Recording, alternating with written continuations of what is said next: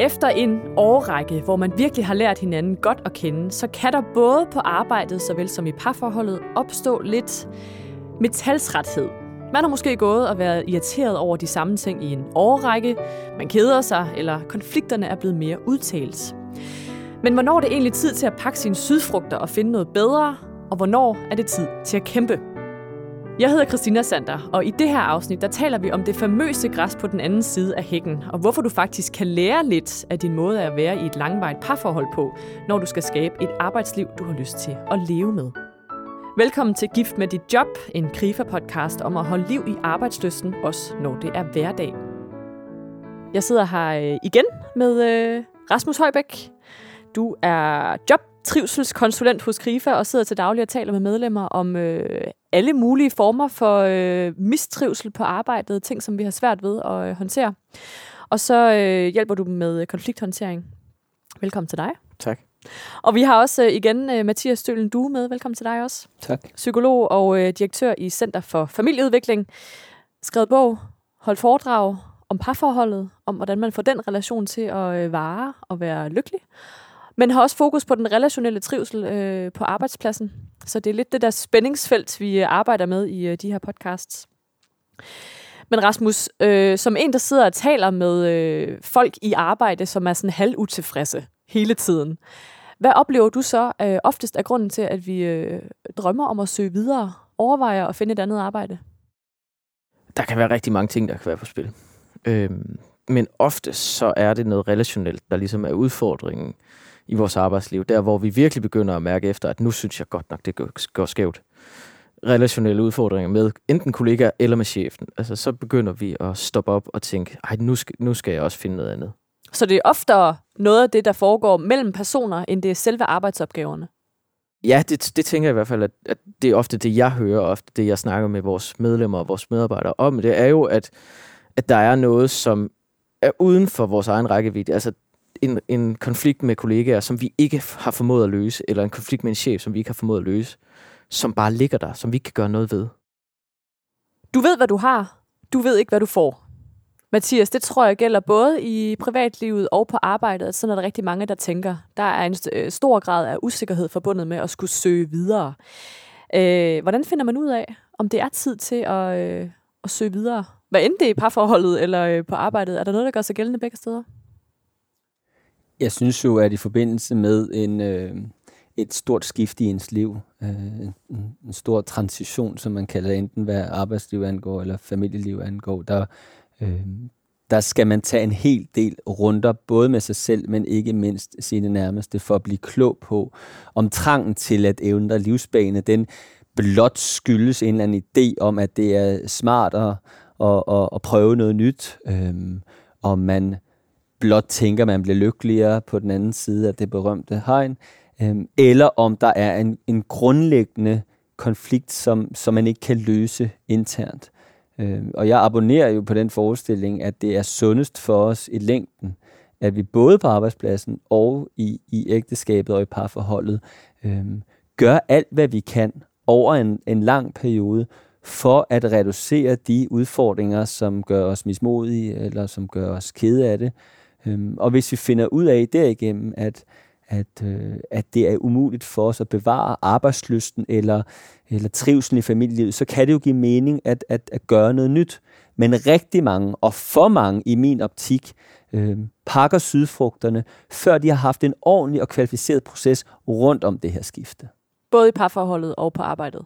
Både parforhold og hvad arbejde angår. Jeg er jo, øh, jeg er jo den, der, eller jeg arbejder mere med familielivet, end jeg arbejder med, med arbejdslivet, og derfor kan jeg jo primært udtale mig fra den kontekst. Men det er i hvert fald, det er i hvert fald det, de bedrøvelige fakta, hvad angår vores ægteskab og parforhold, at ganske få af os opsøger et kvalificeret tilbud, før vi ender at blive skilt fra hinanden. Øh, der er kun cirka 5% af den danske befolkning, der opsøger et parterapeutisk tilbud, og det er trods det, det forhold, at øh, halvdelen af os lader skille. Og det er jo i og for sig i min optik okay at lade sig skille, hvis man øh, over tid har har haft en kvalificeret proces omkring det. Men det er så stor en livsbeslutning, at det skriger til himlen i min optik. Altså få af os har en ordentlig proces omkring en så øh, radikal beslutning. Og du nævner du selv det her med, at halvdelen af, næsten halvdelen af de danske ægteskaber, de øh, ender med at blive opløst. Og øh, hvis man tager parforhold med i ligningen, så er det jo formentlig markant højere det tal. Ikke? Men altså, vi kæmper vel meget mere for vores parforhold, end vi gør for vores arbejde, eller hvad? Det gør vi, og heldigvis for det, fordi der er jo ofte børn indblandet. Jeg synes, man, er, man skal kæmpe mere for børnene, man skal kæmpe for en eller anden kontrakt med en, med en given arbejdsgiver, så heldigvis for det. Øhm, jeg tænker også, at folk kæmper for deres parforhold, deres ægteskaber. Det er i virkeligheden ikke det, jeg udfordrer. Jeg udfordrer det, den præmis, at folk i for lille grad øh, lader sig informere folk, der ved noget om det. Altså i for lille grad opsøger terapeutiske, kvalificerede terapeutiske tilbud. Tilbud, hvor, hvor man kan øh, drage fordel af mennesker, som, som rent faktisk beskæftiger sig professionelt med det her. Altså, de fleste af os opsøger en bankrådgiver, når vi skal lægge vores lån op. Det er sund fornuft, fordi vi taler med nogen, der ved mere om det, end, end vi selv gør. De fleste af os opsøger en tandlæge, hvis vi har ondt i tænderne, men vi tror ikke naivt, at vi selv skal fikse det. Men rigtig mange af os desværre tror, vi skal fikse alt, der har med familieliv selv. Og statistikken viser, at det kan vi ikke nødvendigvis. Hvorfor jeg synes, man skal skabe en mere professionel øh, setting rundt om øh, de familiære udfordringer, så frem de er tilpas store. Og Rasmus, du er jo øh, selv sagt i kontakt med, med folk, som vælger at opsøge nogen, der måske kan, kan hjælpe, eller som ved mere. Men er det alligevel din opfattelse også, at vi mangler at, at opsøge viden, når det handler om øh, konflikter og mistrivsel på arbejdet? Ja, det tænker jeg. Jeg tænker, at vi kan alle sammen blive bedre til både at, at i talesætte de ting, som vi, vi op, oplever som ja, konfliktfyldte, men også omvendt at modtage kritik eller ja, hvad kan man sige, konflikter, hvis det er det, at der er andre, der oplever, at vi selv er, er skyld i noget, som de mistrives ved. Jeg tænker, nu snakker vi jo om det her med, skal man, skal man søge videre og have græsset grønnere på den anden side? Og, og jeg ser det som både, når vi snakker på arbejdspladsen, fordi der er rigtig mange, som jeg oplever, der har mange korte ansættelser, hvor det er en oplevelse af, at det hele tiden bliver ved med at være træls. Samtidig er der også rigtig mange, der er i et arbejde, hvor de mistrives i rigtig, rigtig mange år som ikke får flyttet sig, netop med frygt for, at det måske ikke er grønnere på den anden side. Det er trygt, tror jeg i hvert fald, lige her, hvor jeg sidder nu, for jeg tør ikke flytte mig. Tænk nu, hvis det bliver værre på den anden side. Og der tror jeg også, at vi skal være bedre til at gøre noget, som, som ikke er helt, helt trygt, og prøve at udfordre os selv i at sige, jamen, nu har jeg haft mange korte ansættelser, fordi jeg bare i går så en flygter fra det her, jamen nu kan det godt være, at jeg lige skulle prøve at klemme ballerne sammen, og så blive her og prøve at udfordre nogle af de ting, som jeg kan se, at jeg har haft udfordringer med tidligere igennem alle de her ansættelser.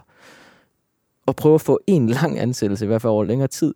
Samtidig med, at hvis man nu har været et sted i mange år og, og mistrives i mange år det her sted, så sige, okay, nu skal der ske en forandring, fordi det kommer ikke til at ændre sig af sig selv. Så gør noget ved det der, hvor man sidder, eller de steder flytte sig. Men jeg tror, rigtig mange har svært ved at skille fordi man kan også stille det sådan eksistentielle spørgsmål. Hvad er mistrivsel? Altså, hvornår har jeg det dårligt nok til, at jeg egentlig burde gøre noget? Og hvornår er det bare sådan, hmm, du ved, generelt sådan hygge-negativitet, hvor vi brokker os lidt, men jeg har det jo egentlig også meget godt, og altså, hvordan skiller man? Det kan I måske begge to øh, komme lidt på banen men, men dit spørg- altså, jeg har lyst til at anfægte præmissen med spørgsmål, fordi spørgsmålet bliver meget, jamen, hvornår ved vi, at vi skal skifte? Hvem siger, at vi skal skifte hele tiden? Måske er, er det, vi i højere grad skal tale om, eller opmuntre os til at fokusere på, det er, hvornår ved vi, at vi skal tage livtag med det her? Fordi jeg har grundlæggende den tanke, at, at, folk skal heller ikke skifte arbejdsplads, fordi det er umuligt at være der. Folk skal skifte arbejdsplads, fordi de har været der i en rum tid. De føler, de har leveret sit. De har været glade for det. De synes også, det har været frustrerende, for sådan er det med arbejdspladsen, sådan er det med parforhold, sådan er det med livet. Men nu har de lyst til at prøve at tage liv til med nogle andre opgaver. Men i stedet for, at vi går, fordi noget er svært, vi flygter, fordi vi ikke evner at være i det svære, så synes jeg, det ville være fantastisk, hvis vi alle sammen oplevede en, en evne og en kvalifikation til at, at, at håndtere det, og så, og så gå fra hinanden, efter vi så at sige har håndteret det udfordrende. Men der vil være situationer, hvor at man kan sige, man har kæmpet. Og især når vi, når, når vi snakker arbejdspladsen, så vil vi være ude for i nogle tilfælde, at chefen ikke er til at rykke med. Medarbejderne eller kollegaerne, de er de fangede et mønster af dårlig kultur og negativ stemning. Noget, som virkelig bare gennemsyrer væggene på den arbejdsplads. Og så ja, så kan man vælge at tage udfordringen op og kæmpe for det her. Og det har man måske også gjort de sidste fem år. Og det har mange måske gjort på den her arbejdsplads de sidste fem år. Men hvor lang tid skal man acceptere, at det, det er sådan? Og når du spørger om, hvordan kan man mærke det her? Jamen, det er jo ikke fordi, at vi skal kalde det stress. Men nogle af de symptomer, vi ser ved for eksempel stress, som hovedpine, ondt i maven, øh, tankemøller, dårlig søvn, søvn er jo en af de større, første tegn på, at noget er skævt, hvis vi, hvis vi ikke kan falde i søvn, eller hvis vi vågner i løbet af natten. Jamen, det kan være et tegn på, at der er i hvert fald noget i ubalance. Og det er sådan nogle ting, man bliver nødt til at være opmærksom på. Men jeg oplever også rigtig tit, at der er mange, der ender med at få gjort det til normalen. Altså folk, der har gået med hovedpine i et år, og accepteret, at det er sådan, tilværelsen ser ud. Folk, der har haft øh, ja, ondt i maven og dårlig søvn de sidste, de sidste fem år på grund af deres arbejde, og så bare har sagt til sig selv og fået fortalt sig selv, at jamen, det, er bare sådan, det er bare sådan, livet er. Og det er det jo ikke. Altså, så, så bliver man nødt til at gøre noget andet. Og det er der, hvor samtalen og dialogen bliver så afgørende, fordi vi kan alle sammen øh, øh, tænke os ind i alle mulige øh, sådan personlige logikker, og der har vi brug for nogle gange at få kalibreret vores kompas. Øh, altså det, vi er bevidste om, kan vi gøre noget ved. Det, vi ikke er bevidste om, det gør noget ved os. Og vi er nogle gange sådan, sådan en kastebold i tilfældighedens øh, spil, øh, hvor vi bare bliver vi bliver præget af alle mulige tilfældige faktorer, og så vender vi os til, at vi sover dårligt, vender os til at ondt i maven, og det er der, det bliver betydningsfuldt, at vi bliver bevidstgjort. Og bevidstgørelse kommer altså igennem samtale. Det kommer ved, at jeg siger lidt om, hvordan jeg har det, og en god samtalepartner udfordrer mig, og ikke mindst lytter til mig, hvor igennem det bliver, jeg bliver klogere på, at sådan her skal jeg ikke have det. Og hvad, hvad resultatet af løsningen bliver, det er jo ikke givet på forhånd. Det kan være, at løsningen bliver, at vi, jeg kan finde ud af hvad er den relation, jeg er i derhjemme eller på arbejdspladsen. Det kan også finde ud af, at løsningen bliver en anden. Men det hele starter med bevidstgørelse, og for at bevidstgørelsen skal træde i kraft, så må dialogen etableres. Men jeg tror også, der er rigtig mange mennesker, som egentlig har det ganske udmærket ude på øh, arbejdet, men alligevel overvejer at søge videre, fordi at der er en øh, kulturel idé om, at man øh, skal være i bevægelse hele tiden, og du skal gerne fremad, og hvis ikke du rykker dig ud på arbejdet lige nu, så er du i tilbagegang, du så stille i hvert fald. Eller, mm. Altså hele den her tankegang, hvor ofte støder du på den, Rasmus? Jeg tror mere, det er sådan, du kalder det også kulturelt, det er sådan en samfundstendens, at vi ser, at, at ord som omstillingsparathed og fleksibilitet og effektivitet og acceleration bliver sådan en del af vores hverdag og kulturen det har vi ligesom også accepteret mere eller mindre, at vi, sådan, vi skal hele tiden flytte os, og nogle steder står der også, at jamen, tre år på, på en arbejdsplads, så skal du videre til den næste.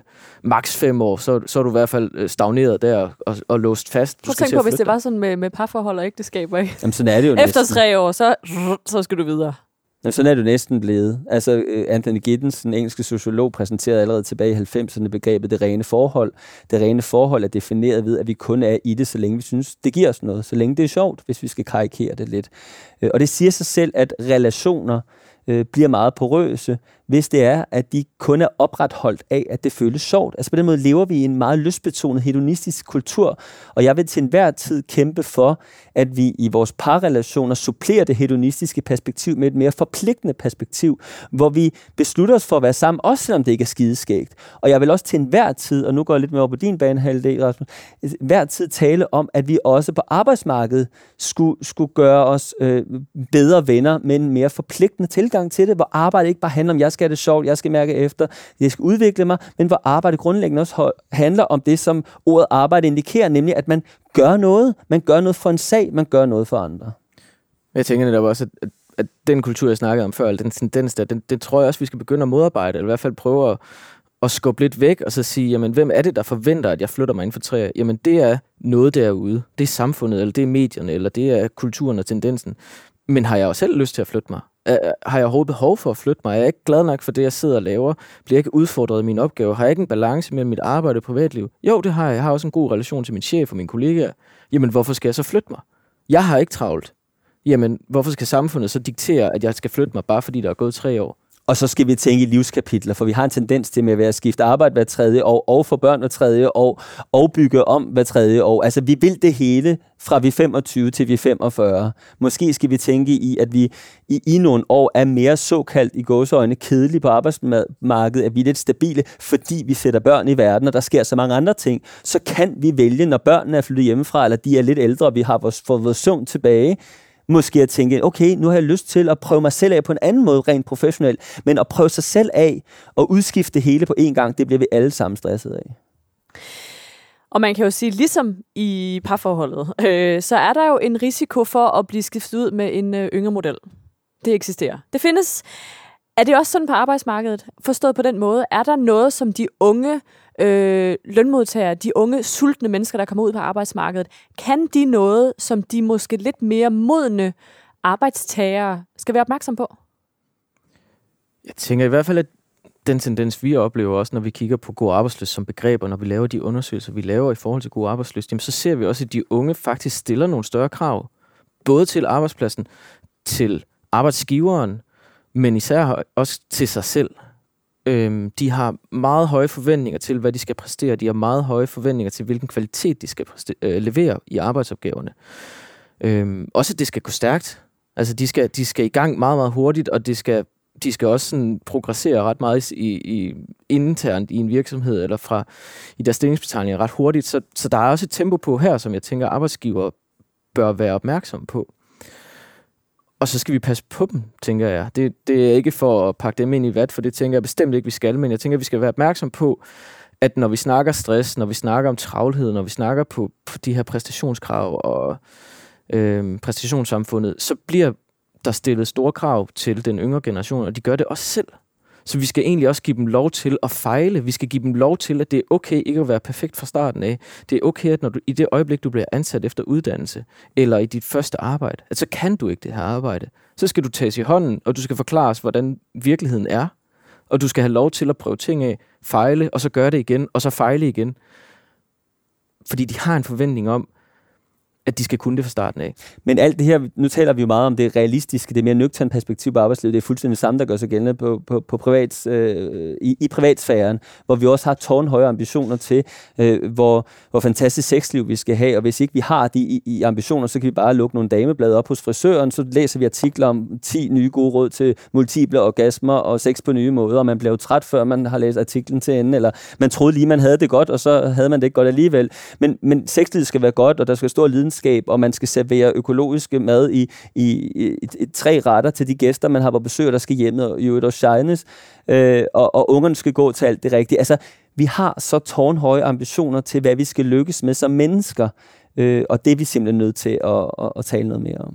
Ja, fordi det sad jeg også og tænkte på. Vi, vi talte om, øh, om, om mine øh, Tinder-eventyr i et uh, tidligere afsnit. Lad os høre mere om det. Jamen, nej, det har jeg ikke så meget mere at tilføje. Men du har to psykologer men, i rummet, så jeg... det kunne jeg måske godt udnytte bedre. Nej, jeg tænkte mere på den her checkliste som øh, jeg, og jeg ved rigtig mange andre på datingmarkedet har, øh, når man søger en partner, skal have en vis højde, skal have det her, det job, øh, skal bo der, der, skal tage den her indkomst, skal have en bil, skal helst ikke have nogle børn endnu, og skal gerne vil have børn i fremtiden.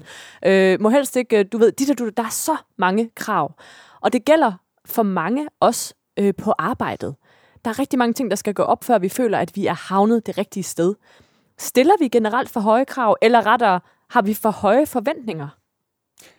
Altså nu får jeg lyst til at citere en amerikansk præsident, og det er desværre ikke den, den nuværende, men den gode gamle John F. Kennedy, der sagde, spørg ikke, hvad dit land kan gøre for dig, men hvad du kan gøre for dit land. Og deri ligger der noget, som, som måske er mere aktuelt nu end nogensinde, nemlig en, en tanke om, at vi skal holde op med at være så optaget af, hvad andre kan give os, og i stedet for at begynde at spekulere i, hvad, hvad det vi selv kan bidrage med. Og det er virkelig en kerne til øh, at forstå en god parrelation. Det var det, jeg skrev min bog ud fra den præmis, at vi skal spørge os selv, hvordan vi kan bidrage til trivsel hos den anden. Og det er grundlæggende også en præmis, jeg tænker, det kan du sige noget mere klogt om, men en, en præmis, der, der er væsentlig i arbejdslivet, at vi holder op med at hele tiden være optaget af, hvordan jeg kan komme på, på nye kurser, og jeg kan få mere i løn. Det er fint nok også at have det in mente, men vi, parallelt med det skal vi øve os i at minde hinanden om, at, at, at vi har det her blik på arbejdslivet, der hedder, hvad er det, jeg kan bidrage med for, for at, at, at bidrage til arbejdspladsen? Og jeg tænker, at det er både og. Fordi mange af dem, som jeg snakker med, som for eksempel er ledige, som bare gerne vil have et job, og nærmest kommer til at sælge sig selv, ja, for ved laveste, øh, ved laveste fællesnævner, ikke? I den, hos den nye arbejdsgiver og sige, jeg tager hvad som helst, og du kan bare, du kan give mig lige hvad du vil, og det er de dårligste arbejdsvilkår, jeg kommer til at blive ansat under. Jeg skal bare have et job.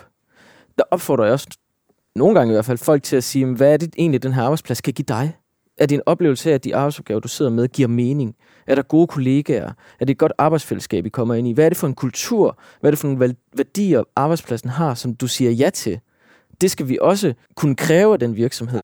Og hvis man kunne tænke sig at høre mere om øh, lige præcis det her med, hvordan man sælger sig selv, og hvilke tanker man skal gøre sig omkring jobsamtalen, og det at få et job, så kunne man passende gå tilbage og høre afsnit 1, hvis ikke man har fået øh, hørt det endnu. Det var jeg bare lige nødt til at lave en øh, henvisning tilbage omkring. Men jeg kunne også godt tænke mig at tale en lille smule mere om vaner og øh, vanedyr. Fordi det var faktisk det, jeg fiskede efter lidt tidligere, da vi talte om øh, de unge, nye, sultne medarbejdere. Du svarede kontra... forkert. Ja, det kan jeg Ja. høre. Ja. I gjorde det Fisk du videre. Ja, nu kommer fiskeriet.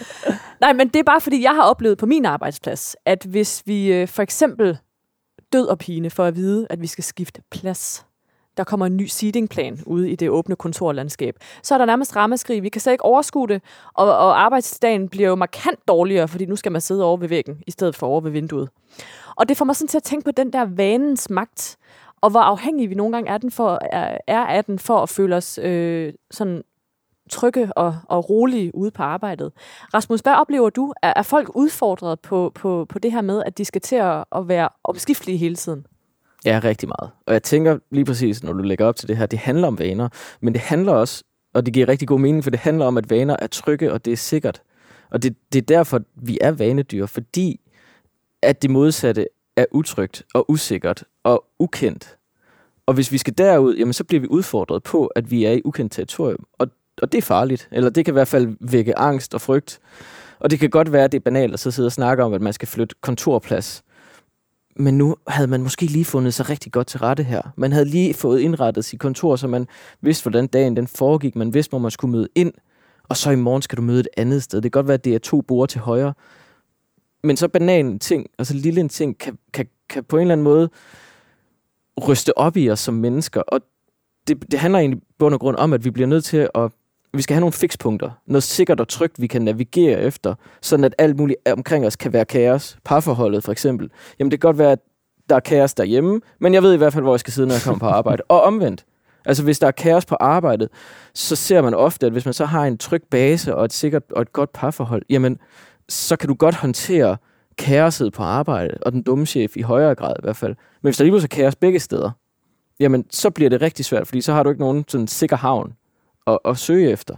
Altså alle mennesker har jo brug for en, en, øh, altså en vis portion af stabilitet og tryghed, det vi også kunne kalde vaner, mm. og en vis portion af nye stimuli. Men jeg tænker, hvis vi skal tale om fremtidens arbejdsmarked, så ser vi jo flere korte ansættelser, øh, freelance-kontrakter og alt det her, som jo netop kan gå ind og rode med vores øh, følelse af, at der er noget, der er genkendeligt. Er det så ikke noget, vi måske skal forberede os lidt mere på? Jo, men det kan man blandt andet, nu taler jeg jo i egenskab af, af parforholdsekspert, som min kone måske ikke vil kalde mig, men som andre kalder mig, øh, øh, at øh, tale om betydning af, at vi, vi bliver langt, øh, at vi, vi får... Vi får arbejdet mere af vores nære relationer. Fordi som du også er inde på, hvis vores nære relationer ikke er perfekte, ikke er lykkelige, for det er, u- det er urealistisk, men hvis de er gode nok, hvis de er trygge og stabile, jamen så bliver vi mere resiliente og modstandsdygtige over for det arbejdsliv. Altså, vi kan ikke ændre den her øh, øh, excel, øh, den her øh, sådan, ac- accelererende udvikling, som du henviser til. Den er nok bare kommet for at blive, og den kommer til at gå stærkere. Men det vi kan, og som jeg jo så taler for både nu og i alle mulige sammenhæng, det er, at vi kan stanse op øh, og kvalificere vores evner øh, i, i, i de nære relationer. Vi taler om, at vi skal, vi, skal, vi skal elske vores arbejde, men vi skal også arbejde mere systematisk og kvalificeret med dem, vi så at sige elsker. Og, og derudfra opbygge den her trygge base, hvorudfra vi kan tåle de udfordringer og, og, og nye vind, der kommer til at blæse.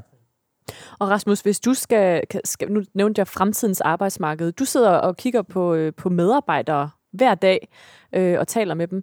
Hvad, for en, hvad, hvad, hvad, ser du af fremtidens arbejdsmarked, hvis du kigger i øh, krystalkuglen? Uh, Det er jeg spændt på at Ja, høre. det, Ja. det er jo sjældent, at jeg, jeg, jeg taler om, om mig selv som ekspert, vil jeg sige, men altså, jeg tror, du har ret i det her med, at arbejdsmarkedet kommer til at forandre sig. Det kommer til at forandre sig sådan, at vi ser flere atypiske ansættelser. Vi kommer til at se flere vikarjobs. Vi kommer til at se øh, områder af arbejdsmarkedet blive nedlagt eller omjusteret eller påvirket i så høj en grad, at vi bliver nødt til at, at gøre noget nyt. Altså man snakker om transportbranchen som ja, under en eller anden form for øh, i fare for at blive nedlagt, fordi at lige om lidt har vi selvkørende biler, og så er den del, som vi vil sige var den største del af arbejdsmarkedet, nemlig transportbranchen, jamen, de skal finde et nyt job. Og hvor skal de gå hen? Jamen, dem skal vi jo skabe job til. Og vi snakker om disruption. Vi har et disruption show, disruptionsråd og et, øh, en moderniseringsstyrelse, som godt nok er blevet nedlagt. Men alle de her ting, som vi hele tiden som skubber til den stabilitet og tryghed, som du snakker om her, som, som giver os noget vane og noget, noget, noget stabilitet, jamen det er under forandring. Og så er det jo meget nærliggende her til sidst, Mathias, og så spørger om, når vi oplever korte ansættelser, flere vikarstillinger, flere freelance-kontrakter, det hele det bliver mere brudt op. Er der så endnu mere fokus på, at vi bør øh, sørge for relationerne derhjemme? Om det var det, jeg prøvede at sige lidt mere om øh, tidligere. Ikke? Altså, altså grundlæggende, hvis vi skal knytte an til tilknytningsteori, som, som jeg er meget optaget så har vi mennesker brug for øh, at være et sted i verden, hvor vi føler os elsket. Altså uden at gøre det her alt for terapeutisk og dybt. Vi har grundlæggende brug for at mærke, at vi har betydning, vi har værdi. Øhm, og hvis det er, at vi skifter ansættelse hver tredje måned, eller oplever, at der er perioder uden ansættelse, og hvis vi oplever at skifte partner med en vis hyppighed, og dine, mine og mine børn, og, og frem og tilbage, der er ikke noget stabilt, så vil flere og flere mennesker stille spørgsmålet, hvilken plads har jeg? Hvilken betydning har jeg? Er jeg et elsket individ? Og hvis mennesker, hvis vi i alt for høj grad slås med de her spørgsmål, så er depressionen og angsten også mere nærliggende. Og så får vi et samfund, det ser vi desværre allerede, hvor, hvor, hvor forekomsten af den slags psykelidelser bliver bare større og større. Og det øh, er hverken i individets, relationernes, arbejdspladsen eller nationens interesse. Gift med dit job er en Grifa-podcast om arbejdsløst, produceret af Bauer Media. Jeg hedder Christina Sander, og i det her afsnit har jeg haft besøg af Rasmus Højbæk, jobtrivselskonsulent hos Krifa, og af Mathias Stølen Due, psykolog og direktør i Center for Familieudvikling. Klip Rasmus Svinger, projektleder Camilla Christoffersen og redaktør Rune Born Svarts. Hvis du synes, du kunne bruge det, du hørte til noget, så kan du hjælpe andre med at finde det ved at give en anmeldelse eller en stribe stjerner i din podcast-app. Tak fordi du lyttede med.